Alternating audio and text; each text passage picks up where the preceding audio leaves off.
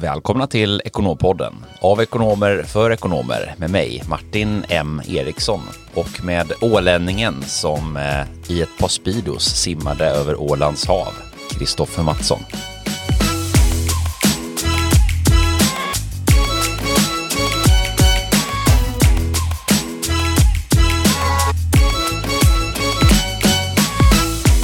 Ja, det var, eh, jag blev lite tagen av sängen här av fantastiska Martin här och, och när han beskriver mig. Jag tycker att uh, hans fantasi är uh, slående. Ja, men man måste vara lite innovativ ibland. Det är ju innovation som driver utveckling. Så är det och vi sitter faktiskt här på, i Stockholm nu på Epicenter, innovationscentret och, och, och försöker sprida eh, tankar och kunskap och, och, och sådär, stimuleras i den här typen av miljö. Mm, definitivt. Förra veckan så gästades ju vi av eh, AI-entreprenören eh, Mikael Kolaros eh, som vi ju verkligen kan rekommendera eh, det avsnittet här till, till eh, nytillkomna lyssnare. Och, vi, vi har ju fått lite intressanta frågeställningar här från lite lyssnare, Kristoffer. Ja, nej men det har vi. Vi har fått lite frågor och sådär och framförallt har vi fått fantastiskt mycket feedback. Många som tycker att det här projektet är väldigt roligt och, och mm, jagar och uppmanar oss, oss att fortsätta, vilket eh, både du och jag tycker är väldigt, väldigt roligt. Så fortsätt med det och kom in med, med eh, frågor och idéer och tankar om hur vi eventuellt kan förbättra och vad vi borde prata om och förslag på gäster som vi borde bjuda in. En annan grej jag har tänkt på här Martin är ju att eh, vi har pratat ganska mycket om vädret i de här introduktionsrundorna eh, när vi diskuterar om vad som har hänt sen sist och jag eh, har ju riktig prestationsångest nu när jag sitter och funderar på, jag gör ju bara roliga saker i mitt liv hela tiden, varje dag kommer jag på nya spännande saker men nu har jag ingenting att prata om. Eh, jag har lite idétorka. Vad, vad har hänt i ditt liv här Martin sen, sen sist? Ja, det är ju full fart minst sagt eh, på många fronter på samma gång, vilket är eh, jätteroligt. Eh, jag har ju varit lite projektledare för vår, eh, vår omstrukturering av eh, kontorsmiljön här eh, under ett par veckors tid. Vi har ju eh, i och med de här nya arbetssätten som, som även vi har anammat med distansarbete och hög grad av flexibilitet och en, en eh, blandning mellan hemarbete och inspirerande kontorsmiljöer så har vi ju gjort slag i saken och, och eh, ändra vår, eh, eh, vår kontorsmiljö när vi väl är inne på kontoret. Så att vi har faktiskt eh, efter fem år lämnat Engelbrektsplan där vi har suttit under en längre tid.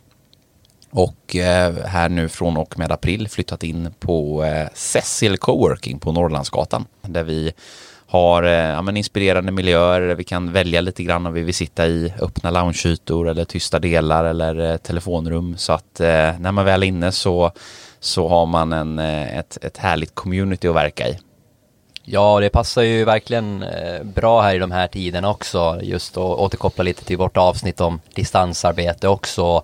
Eh, den typen av eh, open workspace-lösningar och kanske kontorshotell som både du och jag tror att vi kommer att se mycket av här framöver och det passar ganska bra vår situation här nu framöver när kanske våra kollegor och, och du och jag kommer att jobba på olika platser och, och, och sådär. Att man kan komma in men ändå ha möjlighet att få miljöombytet. Och för dem som tänker att det är ansvarslöst att vara på kontoret så kan vi bara understryka att det är väldigt luftiga lokaler och man kan hålla eh, avstånd. Det kan man göra, det är knappt någon där.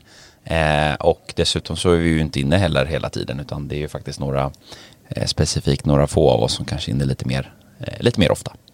Eh, apropå det här med, eh, med eh, inspirerande miljöer, vi ska ju komma in lite grann i dagens ämne här att, eh, på att prata om eh, hur man funkar som person och vad man har för, för beteendedrag eh, hos sig själv och lite då matchningen mot vilken typ av eh, kontext och organisation man trivs i. Eh, och då kommer jag osökt in lite grann och fundera på just det här med, med miljöer också när vi ändå pratar om det här. Eh, vad för typ av, av, av miljöer man inspireras i och trivs i och känner att man, man får eh, liksom en boost ifrån. Vad, vad, skulle du säga för din del? Vad är, liksom, vad är de den typiska eller de typiska ställen där du känner att här är liksom mår jag bra. Jag, jag har ju två stycken som jag ska berätta om strax för dig, men jag är lite nyfiken att höra vad du har. Spontant så vill jag ju svara på en eh, strand i Thailand faktiskt. Eh, jag har ju alltid varit en södernkille och, och kanske gentemot, eh, lite skillnad från dig Martin som gillar nordligare breddgrader och, och skidning så gillar ju jag eh, en paraplydrink på, på stranden så att säga. Sen är det väl en viss knepighet att få till det med tidszoner och sådär men jag tror för mig är nog kontrasterna viktiga. Att jag så att säga inte sitter på samma plats och, och, och sådär varje dag utan att jag kan eh, Eh, variera mig och, och, ja, vi brukar prata om det ganska mycket att kontrasterna är det som, som sätter lite stjärnglans i vardagen. Mm, definitivt och jag ska ge lite, lite annan eh, vinklingar vinkling här från mitt perspektiv på det med, med miljöer också. Eh, jag har ju eh, två stycken som sagt och den ena är ju som du säkert redan känner till eh, är ju köket eh, matlagning. Det är ju min frizon där jag får, eh, får hämta energi och där jag får gå in och, och eh, kreera och skapa nytt och experimentera och laborera och, och verkligen trivas och må bra. Så att det är en sån här zon med skärbrädor och knivar och råvaror och, och temperaturer och texturer. Där, där eh, känner jag att jag mår riktigt, riktigt bra. Eh, den andra är ju på exempelvis En fråga lite där va, står du då i läderförkläde eh, och bar under eller vad brukar du, dressar du dig? Ja, nej men det brukar oftast vara t-shirt och eh, tygförkläde. Jag har faktiskt ett egendesignat förkläde som jag har, har designat själv. Eh, som jag döpte till eh, Sapore som betyder smak på italienska. Eh, så att det, det, finns ett exemplar av det och det har jag faktiskt själv, själv designat. Finns en butik nära dig. Ja, kanske någon gång i framtiden, vi får väl se. Eh, den andra miljön eh, är eh, på toppen av ett berg, gärna vintertid. Du känner till att jag älskar att åka skidor. Exempelvis när man är i Åre och skidar de här dagarna där det är riktigt härligt väder. Ja, dina skiddagar börjar bli nästan lika tråkigt som att höra oss prata om vädret här i podden. Ja, jag ska inte kommentera skiddagarna här, utan jag ska mer kommentera det faktumet att när man väl är uppe på till exempel Åreskutan, längst upp, eh, så tillhör... Dricker en Minto Boy. Ja, det gör en del. Eh, inte jag. Eh, så trivs jag med det här bara liksom att en kort stund eller en längre stund få stanna upp och bara njuta av miljön.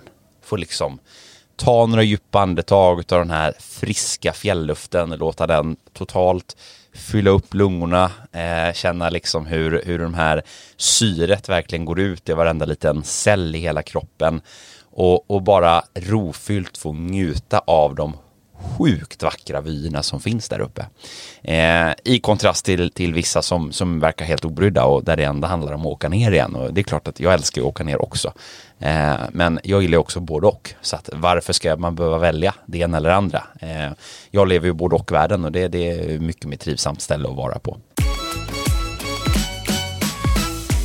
Eh, ja, nu tycker jag faktiskt att vi går vidare här lite raskt och kommer in på, på dagens ämne. Och vi kommer prata om, ja men försöka komma in lite på så att säga, olika beteendedrag eh, och kanske vad som skulle kunna vara mer eller mindre framgångsrikt hos ekonomen. Eh, hur den här insikten om sig själv kan hjälpa dig och, och så att säga utveckla dig och, och Eh, även matchning mellan individ och organisation. Var passar jag bättre eller sämre in? Eh, och kanske framförallt också att olikheter de faktum är positivt. Mm, verkligen så. Ehm, vem är man egentligen själv? Hur funkar man i olika typer av situationer och vad har man för egenheter inom olika personkategorier och beteendedrag. Det ska vi fokusera på eh, lite djupare idag. Och det här är ju ett område som, som ju eh, är eh, komplext. Eh, vi människor är komplexa. Vi är komplexa varelser med, med tankar och känslor och, och intressen och egenskaper och så vidare eh, som gör det här väldigt svårgreppbart. Och man har ju eh, under många år gjort ett antal ansatser till att försöka göra det här ämnet också eh, lättare att ta på, liksom lite mer konkret och lite mer handfast i form av eh, hela den här branschen och sektorn med olika typer av verktyg för att mäta eh, och definiera våra personligheter. Vad har du att, att säga om det? Ja men det finns ju en uppsjö av olika verktyg och personlighetstester som man kanske skulle kunna säga är olika bra och olika dåliga och de ser väldigt annorlunda eh, eller olika ut kanske man skulle kunna säga. Och det finns ju en del kritiker som, som hävdar att många av de personlighetstester som faktiskt används idag inte eh, är vetenskapligt förankrade och att de rent ut sagt är ganska dåliga. Eh, det märkte faktiskt jag och jag gjorde en, en uppsats här när jag gick på universitetet så skrev vi faktiskt om rekrytering i gasellföretag, tillväxtföretag. Och då insåg vi ändå att eh, många, eh, de så, ser väldigt annorlunda ut de här personlighetstesterna som man använder och, och, vad får man egentligen ut av dem? Och det tänkte vi försöka diskutera lite i, idag och som säkert alla känner till så finns det ju en, en, en, en spridd av dessa, men allt från som säkert några av er har testat 16 personalities, eh, den här som man kanske gör med, med Tinder-dejten eller med någon kompis så att säga som man kan göra på nätet och de marknadsför det själv som att träffsäkerheten är, är läskig. Men det blir ju ganska likt den här eh, omgiven av idioter-boken som har blivit väldigt eh, eh, framgångsrik av Thomas Eriksson eh, när han pratar om färgerna och diskanalysen, röd, gul, grön och, och blå. Det är ju lite samma sak där, att det går kanske inte att generalisera det så enkelt.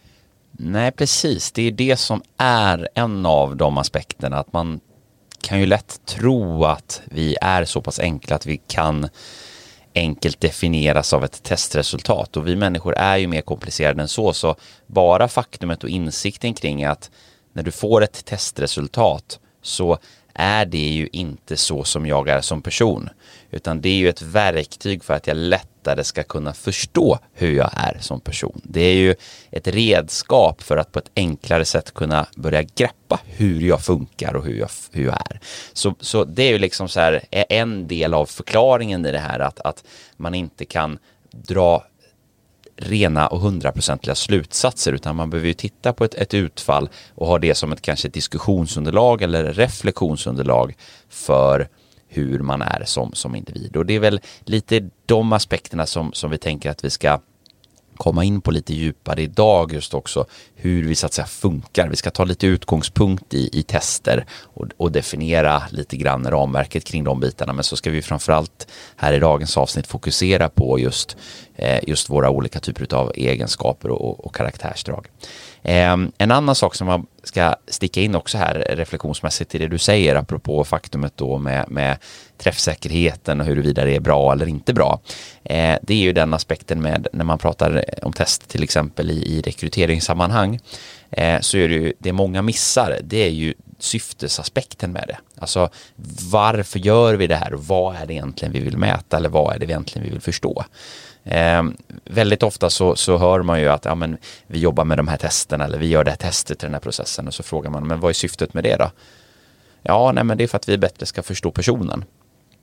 Eh, och det kan det absolut vara, men, men det jag menar på det är att man behöver ju ta ett tydligare grepp om att, att definiera kanske ett, ett specifikt test som, som ett kopplat till liksom ett konkret syfte i en process. Att vi, vi, med just det här testet så är vår ambition om att vi vill förstå den här delen av personen bättre eller den här delen av matchningen på, på ett djupare plan så att säga.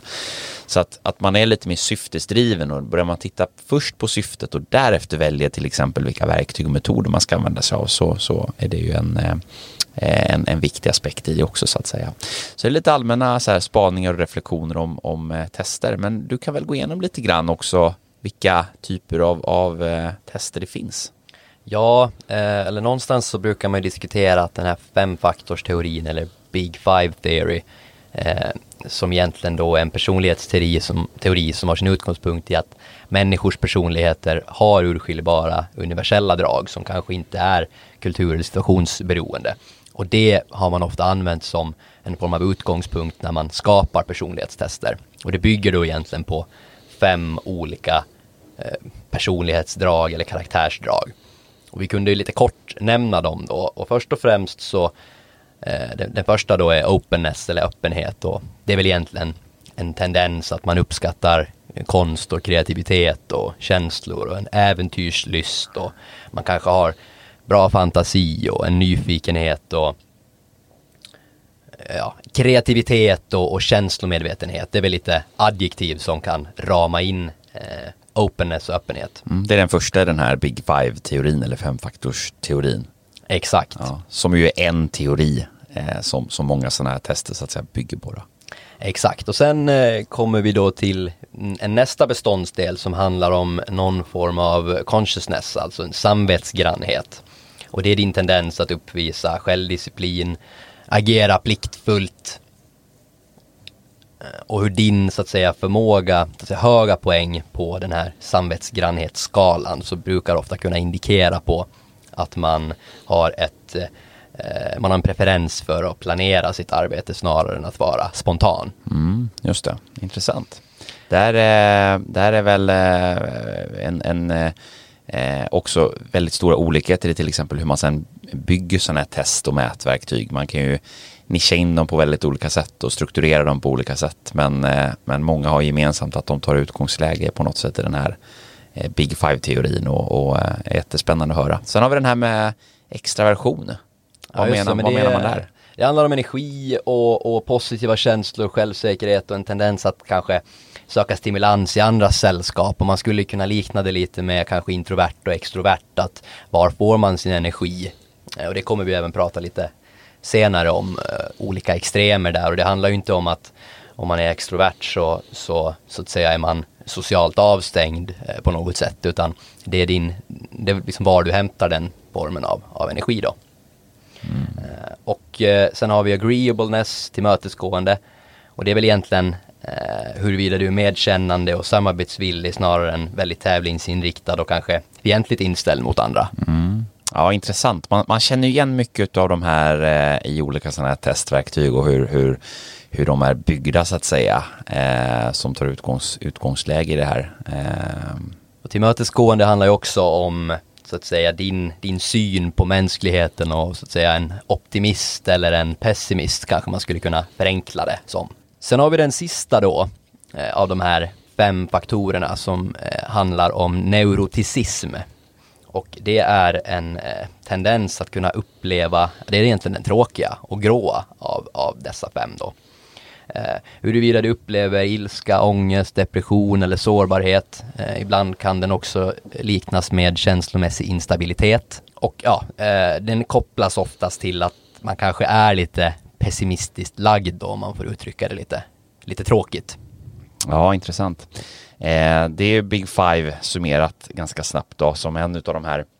Sen kommer den här eh, diskmodellen eller diskanalysen eller fyrfärgsmetoden eh, som, som ju fick ett extremt eh, star, en, en, en, stor genoms, ett stort genomslag egentligen då. Eh, till exempel här i Sverige eh, när boken Omgiven av idioter släpptes här utav Thomas Eriksson.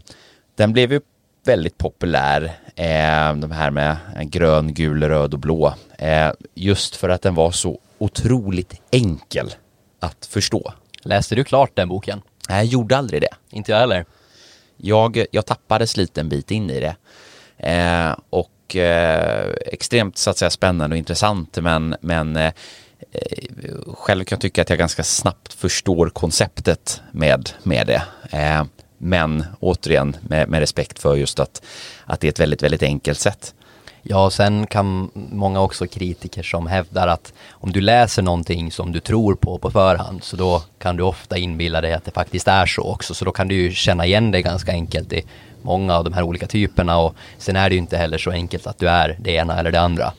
Precis, och det, det jag tänker på också lite grann det är ju det här med, med, med eh, det syftesdrivna återigen här. Alltså om du tittar på till exempel en grupp människor i ett arbetslag som aldrig någonsin har sett ett sånt här test eller som aldrig ens har reflekterat om de här frågorna så gör ju en, en eh, diskussionerna kring till exempel en diskanalys eh, otroligt mycket. Alltså det, det, då, då utgår man ju från en så väldigt låg nivå att ett sådant verktyg blir väldigt tillämpbart för att höja medvetandegraden och då, då får man ju liksom ett av syftena där till exempel om man pratar teamutveckling. Det är ju bara det faktumet att man ens får personer att inse att de är olika. Eh, men jag är inte som du. Varför funkar vi på olika sätt och, och, vad innebär det här och vad är konsekvensen av det så att säga. Och bara att få den insikten är ju då ett, ett fantastiskt syfte. Medan som man å andra sidan pratar om, om eh, mycket mer djupgående analyser av individer, till exempel i ett rekryteringssammanhang där det handlar om att liksom titta på hur du kompletterar en, en befintlig grupp med en viss typ av, av egenskaper och karaktär hos personer. Eh, så, så, så kan ju diskanalysen många gånger bli alldeles för tunn, alltså den, den, den är, blir för enkel så att den räcker inte till, den blir alldeles för allmängiltig och bred. Så att återigen här så, så ska jag inte vilja känga åt något håll utan jag tycker att alla de här verktygen fyller sitt syfte. Det är just det det handlar om. Vad är syftet? Och det är där tyvärr många människor missar den liksom viktiga aspekten i att, att förstå eh, what's the point of this eh, just i den här situationen. Mm, jättebra. Jag håller helt med dig. Ska vi ta och hoppa in lite grann eh, på eh, olika typer av då karaktärsdrag eh, och eh, hur man som person fungerar och var man passar in någonstans? Ja, det är intressant och, och, vi kommer att utgå från, från ett verktyg som vi brukar jobba en del med och ganska intressant kuriosa var att när jag, eller Martin, när du anställde mig så fick jag göra det här testet och då fick jag ju en, en jag vet inte exakt vad procenten var, men en, enligt rapporten 80-90% i matchning av, av den rollen som jag anställdes i, vilket är lite intressant. Ja, verkligen och det har ju, det har ju gått bra eh, så att uppenbarligen så finns det ju någon form av eh, eh träffsäkerhet eh, i just till exempel eh, dig då. Ja, än så länge har du inte gett mig sparken. Nej, det har jag inte. Vi får väl fundera på, på det här under året. Vi eh, hoppar vidare in, tänker jag, på nästa ämne Eh, och eh, berör lite grann då eh, olika typer av personlighets och beteendedrag. Lite grann extremerna i dem och hur vi då funkar som personer också kopplat lite grann också till vilken typ av kontext och miljö vi, vi tenderar att, att trivas i. Vad är din så här allmänna spaning på det här med matchning mellan beteende och kontext? Nej men den här typen av frågor generellt så tycker jag är ganska knepiga och framförallt också så till exempel testet jag gjorde och den här typen av tester man har också gjort så, så kan det ju vara ett resultat som förskjuts över tid beroende på var jag befinner mig just då. Hade jag gjort samma test idag till exempel så det är möjligt att, att det hade funnits en viss förskjutning i de här rollerna beroende på vem jag är i en grupp kopplat till den kontexten just då så att säga. Så det är min allmänna spaning att, och, ja, att det är, det är knepigare än vad man, vad man kan tänka sig. Mm. Vi ska försöka att eh, ge lite klarhet i det här. Vår förhoppning och ambition med de här sakerna som vi ska ta oss igenom här nu eh, är ju att få eh, alla lyssnare, er att själva eh, kanske reflektera lite grann över eh, sina egna så att säga beteendedrag och karaktärsdrag. Eh, och baserat på det egentligen kunna kanske få lite djupare förståelse och insikter om, men aha, är det så jag funkar? Eh, är det därför jag reagerar på det här sättet i den här situationen eller på ett annat sätt i en annan situation? Eh, och vi kan väl hoppa in egentligen på, på den första utav dem som vi har eh, eh framför oss här idag som handlar lite grann om vilken typ av energi man har och eh, om man är en förvaltare eller en eh, innovatör. Vad skulle du kalla mig? Eh, jag hade nog lagt dig ganska eh, långt till höger mot innovatörs, eh, på innovatörsskalan då, där du gärna kommer på idéer, du vill starta nya projekt, men du är även en, en helt okej okay avslutare skulle jag vilja hävda. Mm. Så, så kanske ändå där i, i mitten någonstans. Om vi tar eh, lite grann extremerna då, eh, så har vi på den här skalan eh, den ena extremen eh, som vi definierar som, som innovatören. Och det vi menar med innovatören är personen som har ett väldigt stort behov av att hitta på nya saker. Man vill vara i en kontext där det händer mycket nytt. Eh, man får mycket energi utav när det ska startas nya projekt eller man får möjligheten att komma på och bolla nya idéer och vara med och liksom genomföra mycket, mycket nytt. Ehm, Andra ändan av den här skalan, eh, förvaltaren, det är ju personen som motsatt eh, trivs bäst med eh, det här är mitt ansvar eller det här är mina arbetsuppgifter eller det här är vad som tydligt förväntas av mig.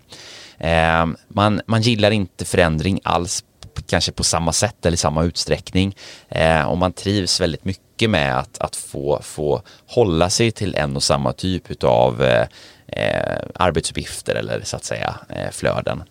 Ehm, och ehm, ja, du, du säger att jag ligger lite mot, mot innovatör, det stämmer, men jag är inte extrem. Och så här är det också på den här skalan när vi pratar om det här att det är ju inte att man är det ena eller det andra utan man kan ju vara mer eller mindre av det ena och det andra. Och ibland kan man faktiskt ligga någonstans mitt emellan så att det behöver inte heller vara som så att man, att man är en, en, en extrem.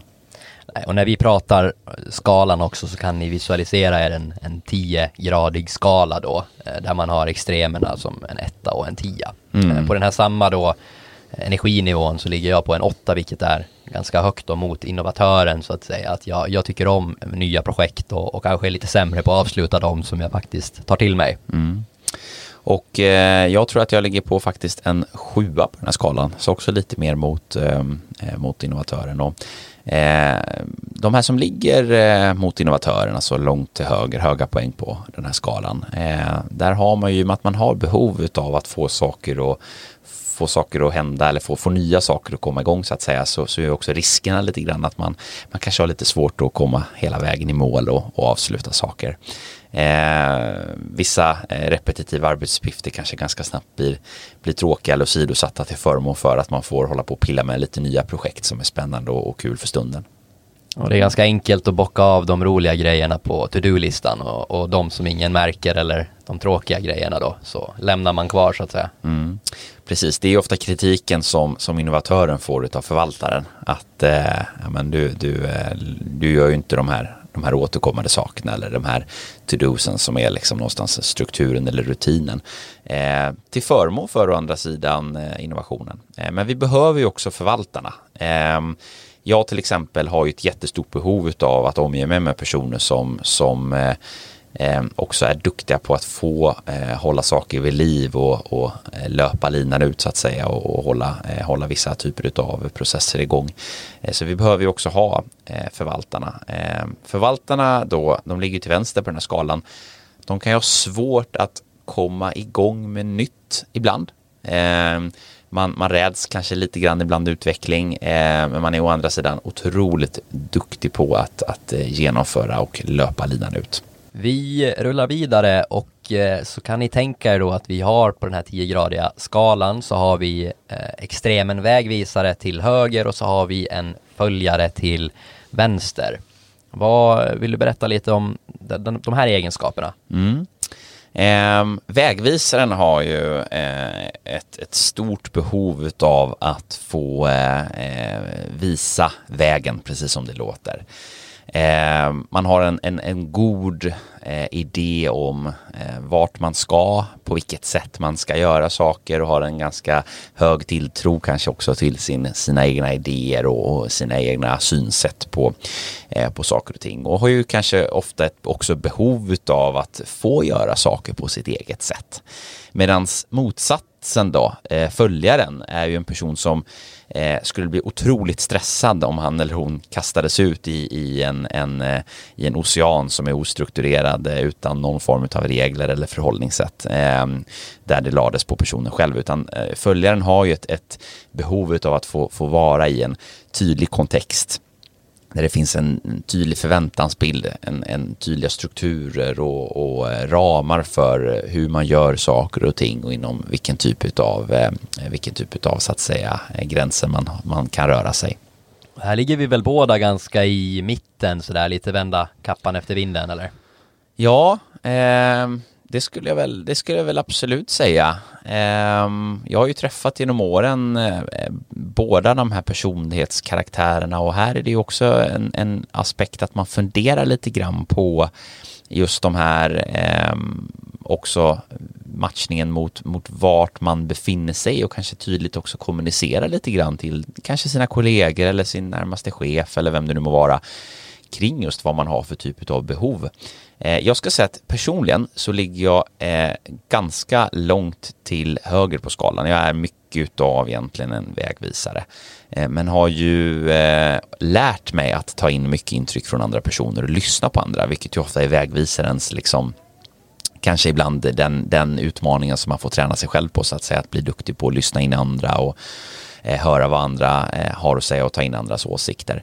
Eh, men jag har ett stort behov av att få eh, få eh, så att säga, ta ledningen i hur, hur man gör saker och ting och, och, och, och jag tycker också att det, det, blir ju en viktig aspekt när man, man tittar på vilken typ av roll man har att jag skulle till exempel inte funka in i en struktur där, där, där det inte finns något att säga till om utan jag, jag gillar ju att vara med och påverka.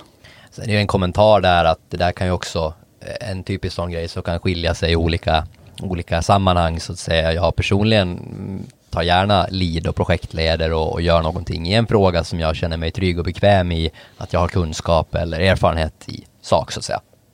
Och tittar vi då på, på följaren så, så är ju det en person som, som då eh, trivs väldigt bra i där det finns en, som sagt, då en, en struktur att, att, att utgå ifrån.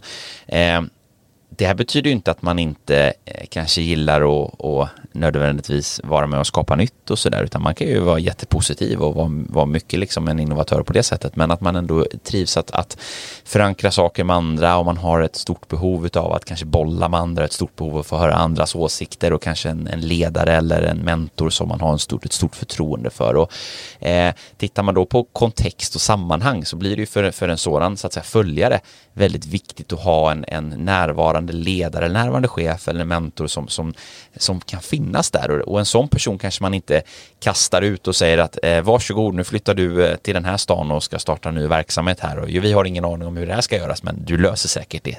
Till, till den typen av roll rekryterar man inte följaren. Den här klassiska eh, skickar ner de anställda i eh, simbassängen och ser vem som kan simma, vem som drunknar. Ja, och det, det, precis, och har man den företagskulturen Eh, då, då kanske man inte passar in där som en följare. Ehm, och det är ju den just aspekten som blir ganska kanske viktig utifrån ett individuellt perspektiv att fundera lite grann på. Men så här, hur, hur är jag här hur funkar jag här och vad behöver jag för att få förutsättningar att växa? Och det, jag kan lite störa mig på det här ibland när man hamnar i diskussioner och pratar om vad som är rätt och fel.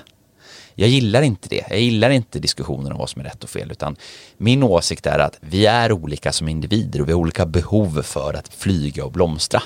Eh, vi trivs i olika klimat på samma sätt som att, som att en, en växt trivs i olika klimat, eh, olika förutsättningar beroende på vad det är för blomma. En kaktus till exempel, den måste ju torka ut mellan varven. Den har ju ett behov av att få torka ut för att sen fyllas på med vatten. Medan det finns andra finkänsliga blommor som har ett behov av att löpande bli liksom ompysslade med lite vatten i taget.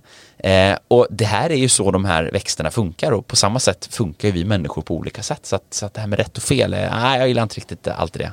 Nej, det är tänkvärt och, och, det är ju precis som jag var inne på i början, det handlar ju om att bygga tid och våra, våra egenheter och våra olikheter är ju det som förenar oss och gör oss framgångsrika någonstans. Ja, och där blir ju liksom upp till organisationen att också ta ställning i de här frågorna och, och, och till viss del finns det en fråga som kanske rör med vilken typ av kultur vill vi skapa eller vilken typ av företagsidentitet är vi och, och ska vi ha så att säga Eh, för att lyckas nå våra mål. Det är ju en fråga eh, där man liksom till viss del kan, kan gå ganska långt i det här. Men samtidigt så behöver man vara ödmjuk inför eh, ändå att, att vi behöver olikheterna också eh, för, för att bli framgångsrika lika väl.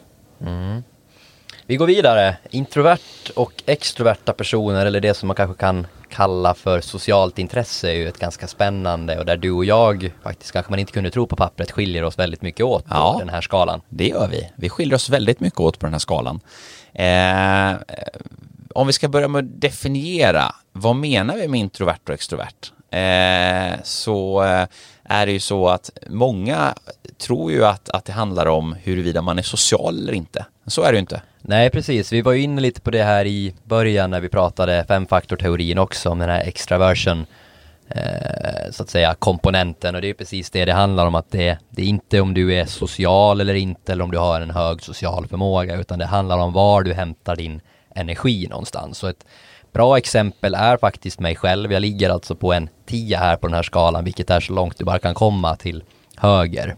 Och eh, det innebär ju egentligen att, lite kort och gott skulle man kunna säga att jag, när jag stiger upp på morgonen, gärna går på en frukostföreläsning, sen går jag på en nätverksträff, sen går jag gärna på en eller två kundluncher och en fika med några kollegor. Jag avslutar med en middag med ännu fler kollegor och vänner och sen så kanske man avslutar med ja, vad vet jag, en dejt eller någonting. Och så går man och lägger sig och man har mer energi än vad man hade när man steg upp på morgonen. Ja, jag är superstressad nu när jag hör det här alltså. Och du då Martin, du, du, du kan man ju ändå slås och vara en ganska social person, men du ligger själv på en tvåa, trea här på skalan. Ja, det stämmer. Eh, jag ligger på en tvåa på skalan, vilket ju eh, enligt den här skalan då skulle säga att jag är introvert.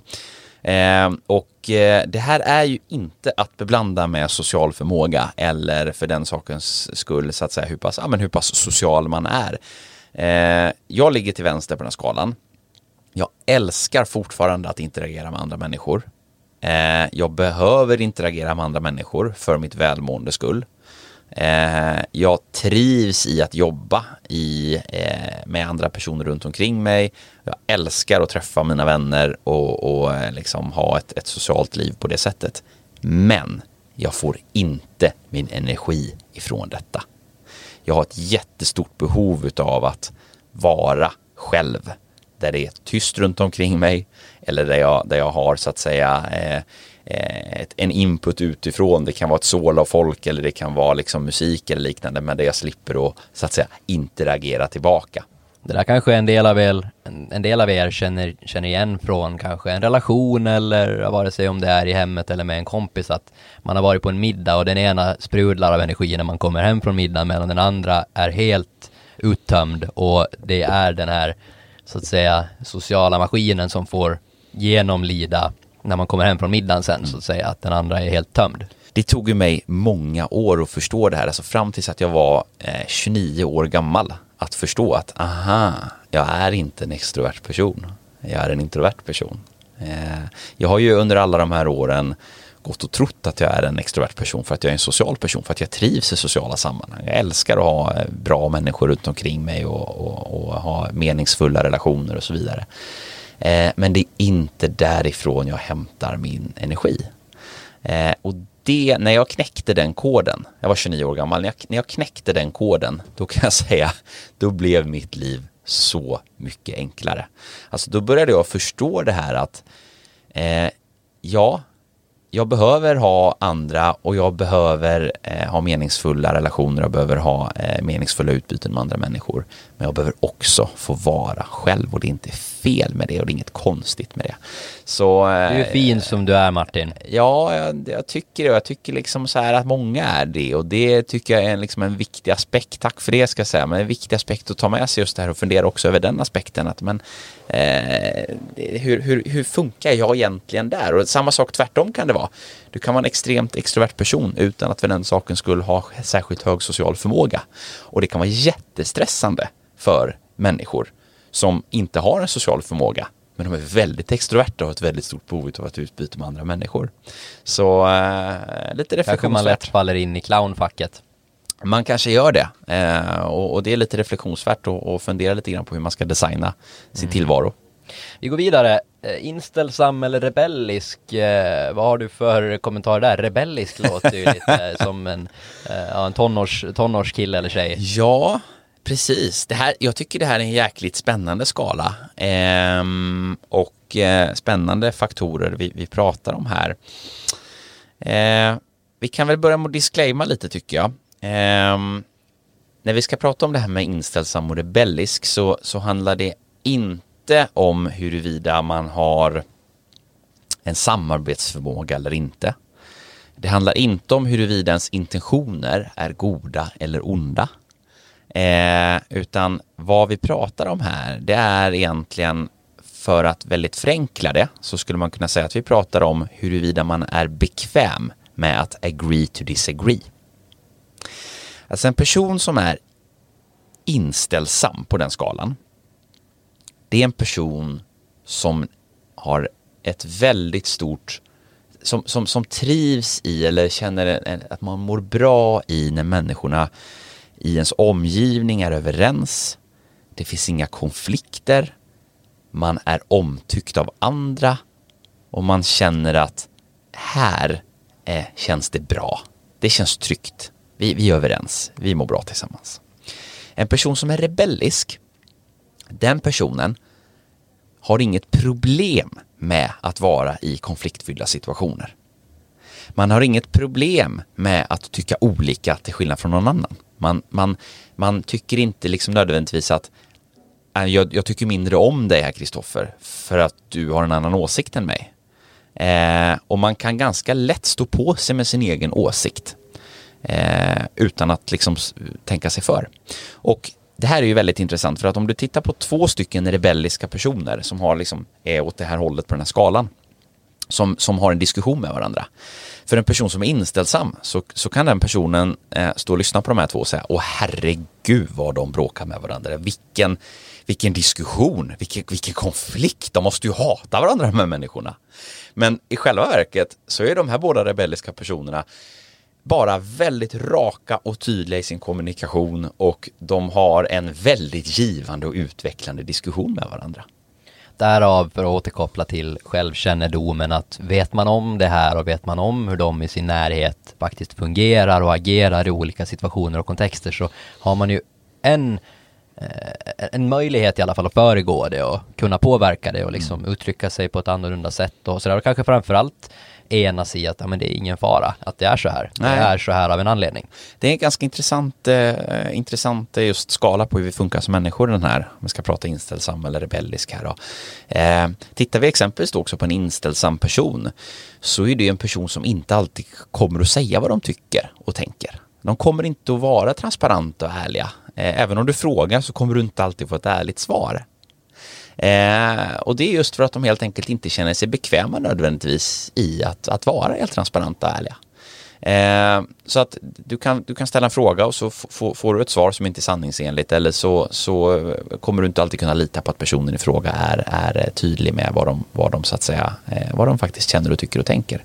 Och det blir jäkligt intressant i, i dynamiken två olika personer emellan.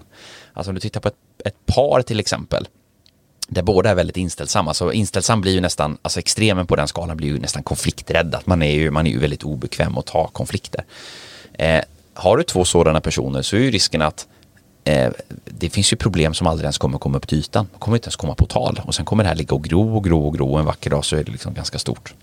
Ja, intressant. Och det här med problem kan ju nästan göra så att vi snurrar in på, på nästa område som handlar om kanske din inställning till, till livet och till saker och till grejer du åtar dig. Vi pratar om kanske optimist eller pessimist och det är ganska intressant på den här skalan så skulle man kunna tänka sig att om man är väldigt långt till vänster på skalan så upplever man en, en högre person som väldigt, väldigt pessimistisk och vice versa och hur man ser problem. Jag är ju ganska optimistiskt inställd och vissa kallar mig naiv. Man eh, ser inga problem, man ser bara lösningar. Mm. Ja, jag är också ganska optimistiskt inställd eh, på den här skalan. Eh, och, och tittar man på mig exempelvis då, eh, och jag tror att många kan känna igen sig i det, så har man ju med liksom ökad erfarenhet i livet lärt sig att börja se risker. Eh, för det har inte jag varit, varit van i från, från början. Ja, exakt, och det där är ju jätteintressant. Vår kollega Andreas till exempel är ju väldigt, han är också optimistisk i sig, men han är väldigt, väldigt duktig på också måla upp problem och se risker och göra det väldigt snabbt. Så sådär, man ringer ett samtal, man får inte tag på kunden eller man skickar ett mail och, och det dröjer några dagar, men det är alltid det värsta scenariot att, att nu nu, nu, nu, nu, är liksom, nu är det problem här. Och jag och Andreas till exempel i en sån kontext blir en ganska dålig kombo i vissa fall, för att då då, då blir jag också rädd och tänker att hela världen hatar mig. Ja. Medan en, en person som kanske kan komma in då som vår andra kollega Lisa och bara se möjligheter hela, hela tiden. Mm. Ja, precis. Det här, jag får bara flika in det, det har ju att göra lite med dina hjärnspöken här om att, om att vara älskad av alla. Eh, om Så är det. Flika in lite och mina hjärnspöken kommer vi även prata om lite senare här i podden när vi diskuterar självledarskap och problemlösningsförmåga. Det blir väldigt spännande. Ja, det blir det. Tillbaks till, eh, till skalan då, eh, optimistisk, eh, pessimistisk. Det, det, för en person som är väldigt optimistiskt lagd så kan ju den personen av de här så att säga pessimisterna, nu, nu, nu, nu taggar vi ju, nu så att säga etiketterar vi ju det här väldigt starkt bara för att ni ska förstå extremerna. Vi menar ju såklart inte optimist, överoptimistisk eller superpessimistisk egentligen utan vi, vi etiketterar det här kraftigt. Men för en person som då är väldigt optimistiskt lagd, den kan ju uppfattas som nästan naiv och up in the blue eh, av eh, motsatta pessimisten. Eh, och pessimisten egentligen, ja, de, de, det betyder ju inte att de inte har en god intention. Det betyder inte att de inte är målinriktade eller resultatinriktade eller för den sakens skull vill uppnå, vill, vill nå framgång eller vill, vill liksom nå gemensamma resultat. Det har inte med det att göra. Utan deras sätt att se på saker är bara att de har ett mycket mer riskfyllt tänkande och är duktiga på att se och nyansera potentiella störningar och potentiella problem som optimisten normalt sett inte ser. Och det gör ju att pessimisten kan uppfattas av optimisten som en motarbetande nej-sägare eh, som är eh, ja men som bara stretar emot och som bara sätter emot. Men det är ju inte pessimistens ambition överhuvudtaget. återigen för att anknyta till att vi är olika av en anledning och det är ju, men om du och jag ska konstruera en, en dator eller en flygplan eller vad som så kanske det är bra att vi tänker på lite olika sätt och att du då i det här fallet kalkylerar lite mer risker medan jag bara ser flygresan till Thailand och jag är redan på stranden liksom. Mm. Ja men verkligen så. Det, det är där man, bara om, återigen om, att, om insikten om hur vi fungerar eh, och hur vi kommunicerar så, så kan det ju liksom lösa en hel del knutar. Så, så där är ju en sån här just, just koppling till till eh, kommunikations, eh, som förståelsen för, för kommunikation och hur man, hur man så att säga förhåller sig till de här bitarna som blir jäkligt intressant. Och, eh, det ser vi ju inte minst i vårt team till exempel. Eh, Eh, Eh, så, så eh, Filippa ju, eh, har ju jag kört väldigt många gemensamma uppdrag genom åren och vi har ju haft många processer ihop och vi är ju, vi är på varsin, vi, vi är ju lite motsatta här på de här skalorna men vi vet ju om det och det gör att det blir en otroligt god dynamik i vårt samarbete. Hon kan förutspå störningar, hon kan se risker och, och, och jag har lösningarna och det ena och, och kommunicera på det sättet. Så även i kundmötena så blir det en intressant dynamik där jag som är väldigt optimistiskt lagd kanske inte riktigt fokusera på problemen. Även om jag har lärt mig att se problemen så jag löser dem i min hjärna men jag fokuserar inte på dem i, i kommunikationen till exempel med en kund. Och det kan ju göra att kunden ibland kanske kan uppfatta mig som att jag är, är, är naiv eller inte kanske ens ser saker för vad de är. Eh, och bara genom att då ha med Filippa i ett sånt möte som kan liksom förutspå och börja prata om potentiella problem och hinder så, så ökar ju det liksom eh, ökar ju det hela, hela kanske synen på, på vårt samarbete och, och vår totala leverans i ett projekt och det är jäkligt intressant hur, hur, hur vi liksom kan, kan kommunicera på, på ett visst sätt och egentligen funka på ett annat sätt och att man, eh, man har lite insikter om det här. Och att vetskapen och kännedomen kring det här gör att till exempel jag och Filippa slipper bråka med varandra på fikarasten för att vi har haft laddad diskussion och olika sätt att se på på ett visst problem eller möjlighet då. Ja, verkligen. Så det är, nej men det är super, super eh, intressant. Vi sätter punkt där och eh, lämnar beteendedragen och karaktärsdragen för en sekund och kanske tänkvärt kan vara just att ja, lära känna din omgivning, lära känna dig själv för att så att säga undgå de här problemen och, och föregå det och skapa möjligheter istället. Vi tänkte komma in lite på intellektuell nivå och prata kanske verbal och numerisk färdighet och, och är det alltid bra att vara supersmart eh, eller superdum då om man får ha de två extremerna? Vi kan ta eh, ett eh, ingångsläge i det här i diskussionen om chefsrekrytering. Och eh, för att ge ett konkret då, eh, exempel så, så är det ju så att eh, eh det har ju i ett antal studier slagits fast att vid rekrytering av chefer så vill man undvika att rekrytera supersmarta chefer. Har du någon gissning på varför det kan vara så? Hmm, nej, då generaliserar jag för mycket så jag har faktiskt inget bra svar på tal där. Nej, det är ganska intressant. Eh, intellekt är ju, eh, är ju en, en också eh, viktig aspekt när man pratar matchning mot organisation eller matchning mot eh, typ av roll. Och vi kan väl börja med att, att disclaima lite grann här också. Eh, nu kommer vi att generalisera ganska kraftigt idag. Vilket vi gör hela avsnittet igenom, så det är en stor disclaimer överallt. Ja, precis. Det är en stor disclaimer överallt. Eh, vi, vi vill ju få er att resonera lite grann eh, i de här banorna och eh, eh det vi kan säga om intellektuell nivå det är ju först och främst att, att definitionen av intellekt eh, finns ju många olika typer av definitioner på. Eh, alltså ett väldigt klassiskt sätt att definiera intellekt, eh, intellektuell förmåga det är ju till exempel genom verbal och numerisk färdighet och, och förmågan att lära in och se kanske eh, mönster i, i olika typer av eh, formler och alltså eh, ritade i geometriska figurer och så vidare. Så hur egentligen fort hjärnan kan så att säga processa information. Det är ju en typ av ganska liksom, klassisk definition utav, av intellekt.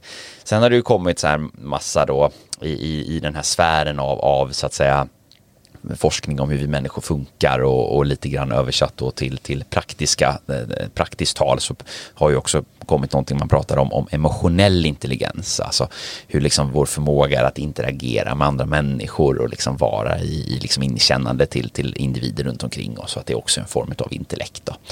Eh, och jag tänker att vi ska eh, spara den emotionella intellekten eh, till något annat, eh, till någon annan gång, alternativt att vi kan säga att vi redan har så att säga lite berört den idag eh, och fokusera på just den här mer eh, klassiska definitionen utav, utav eh, intellektuell nivå. Återgå gärna till eh, chefsrekryteringen där, för det resonemanget skulle jag vilja höra mer om. Mm, precis. Det man menar då är egentligen att när du är ledare och när du är chef så leder du ju någon form av grupp. Du har alltså en, en, en, en del utav så att säga din roll, eller en ganska stor del utav din roll handlar ju om att, eh, att eh, leda andra människor, eh, att få team och kanske fungera ihop och, och vara inkännande och inlyssnande och, och, kanske pedagogisk mot andra människor och så vidare. Eh, om du då är överintellektuell så en överintellektuell människa funkar ju på det sättet att man väldigt snabbt processar information. Man kan väldigt snabbt dra slutsatser. Man ser väldigt fort kopplingar. Alltså man är smart i den definitionen. Man är en bright person. Eh, och det gör att man ganska eh, stor risk hamnar i situationer att man fattar snabbare än vad sitt team gör man kopplar mycket snabbare än vad ens medarbetare gör. Och man, man ganska snabbt riskerar liksom att, att sända ut mer eller mindre eh, kanske medvetna signaler som, som, som ju säger att ja, men, eh, hänger inte du med på min nivå? Och där ju medarbetare kan faktiskt riskera och, och kanske känna sig eh, förbisedda eller dumma rent ut sagt. Mm, intressant och jag drar ju automatiskt en koppling till eh, så att säga, det här med kanske verbala resonemang och hur man uttrycker sig och sådär. Jag får ju ofta höra av mina vänner och bekanta att jag uttrycker mig ofta ganska, jag fick för övrigt väldigt högt på den här verbala eh, testningen då långt till höger och uttrycker mig kanske ganska, inte avancerat men använder ganska krångliga ord och, och sådär och det handlar ju också om hur, ja men hur uttrycker man sig till andra och hur mottas det av andra? I vilken kontext ska man använda vilka ord? För att det också ska förstås av mottagaren. Mm. Och tittar man då på, på eh, intellektuell nivå som en skala så blir det ju viktigt att man, att man hamnar i en kontext och en miljö där man får en stimulans som ligger i linje med ens intellektuella nivå.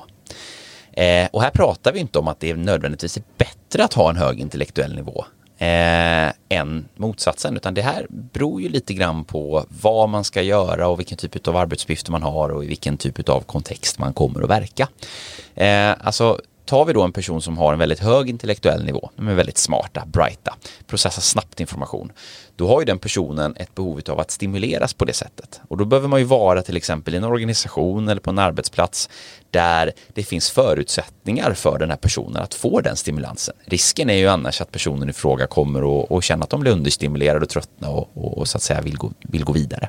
Och där kopplat då till organisationen så blir det ju ofta det här att hur ser, hur ser liksom nyckeln ut för att lyckas i den här rollen. Men är det att vi ska ha en person som vill springa snabbt eller kommer att behöva springa snabbt? Nej, men det är ju inte alltid självklart att det ska vara så.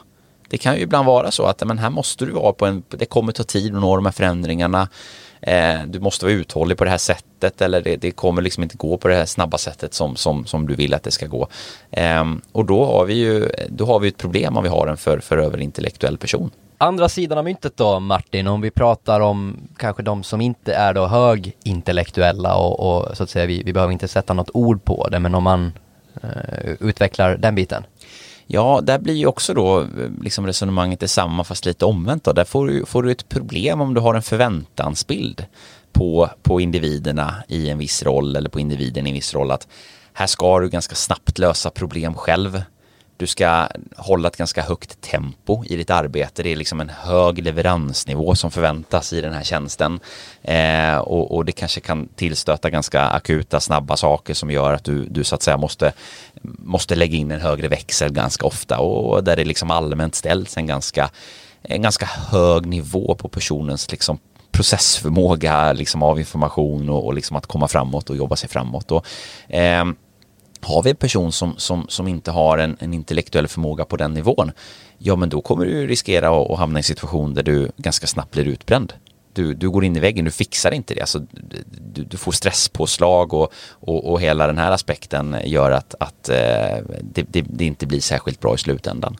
Eh, och det, där betyder det ju eh, kort och gott egentligen att eh, där var det ju liksom inte nödvändigtvis, nödvändigtvis då så att säga eh, personerna återigen som det är fel på utan det är ju matchningen som blir det viktiga.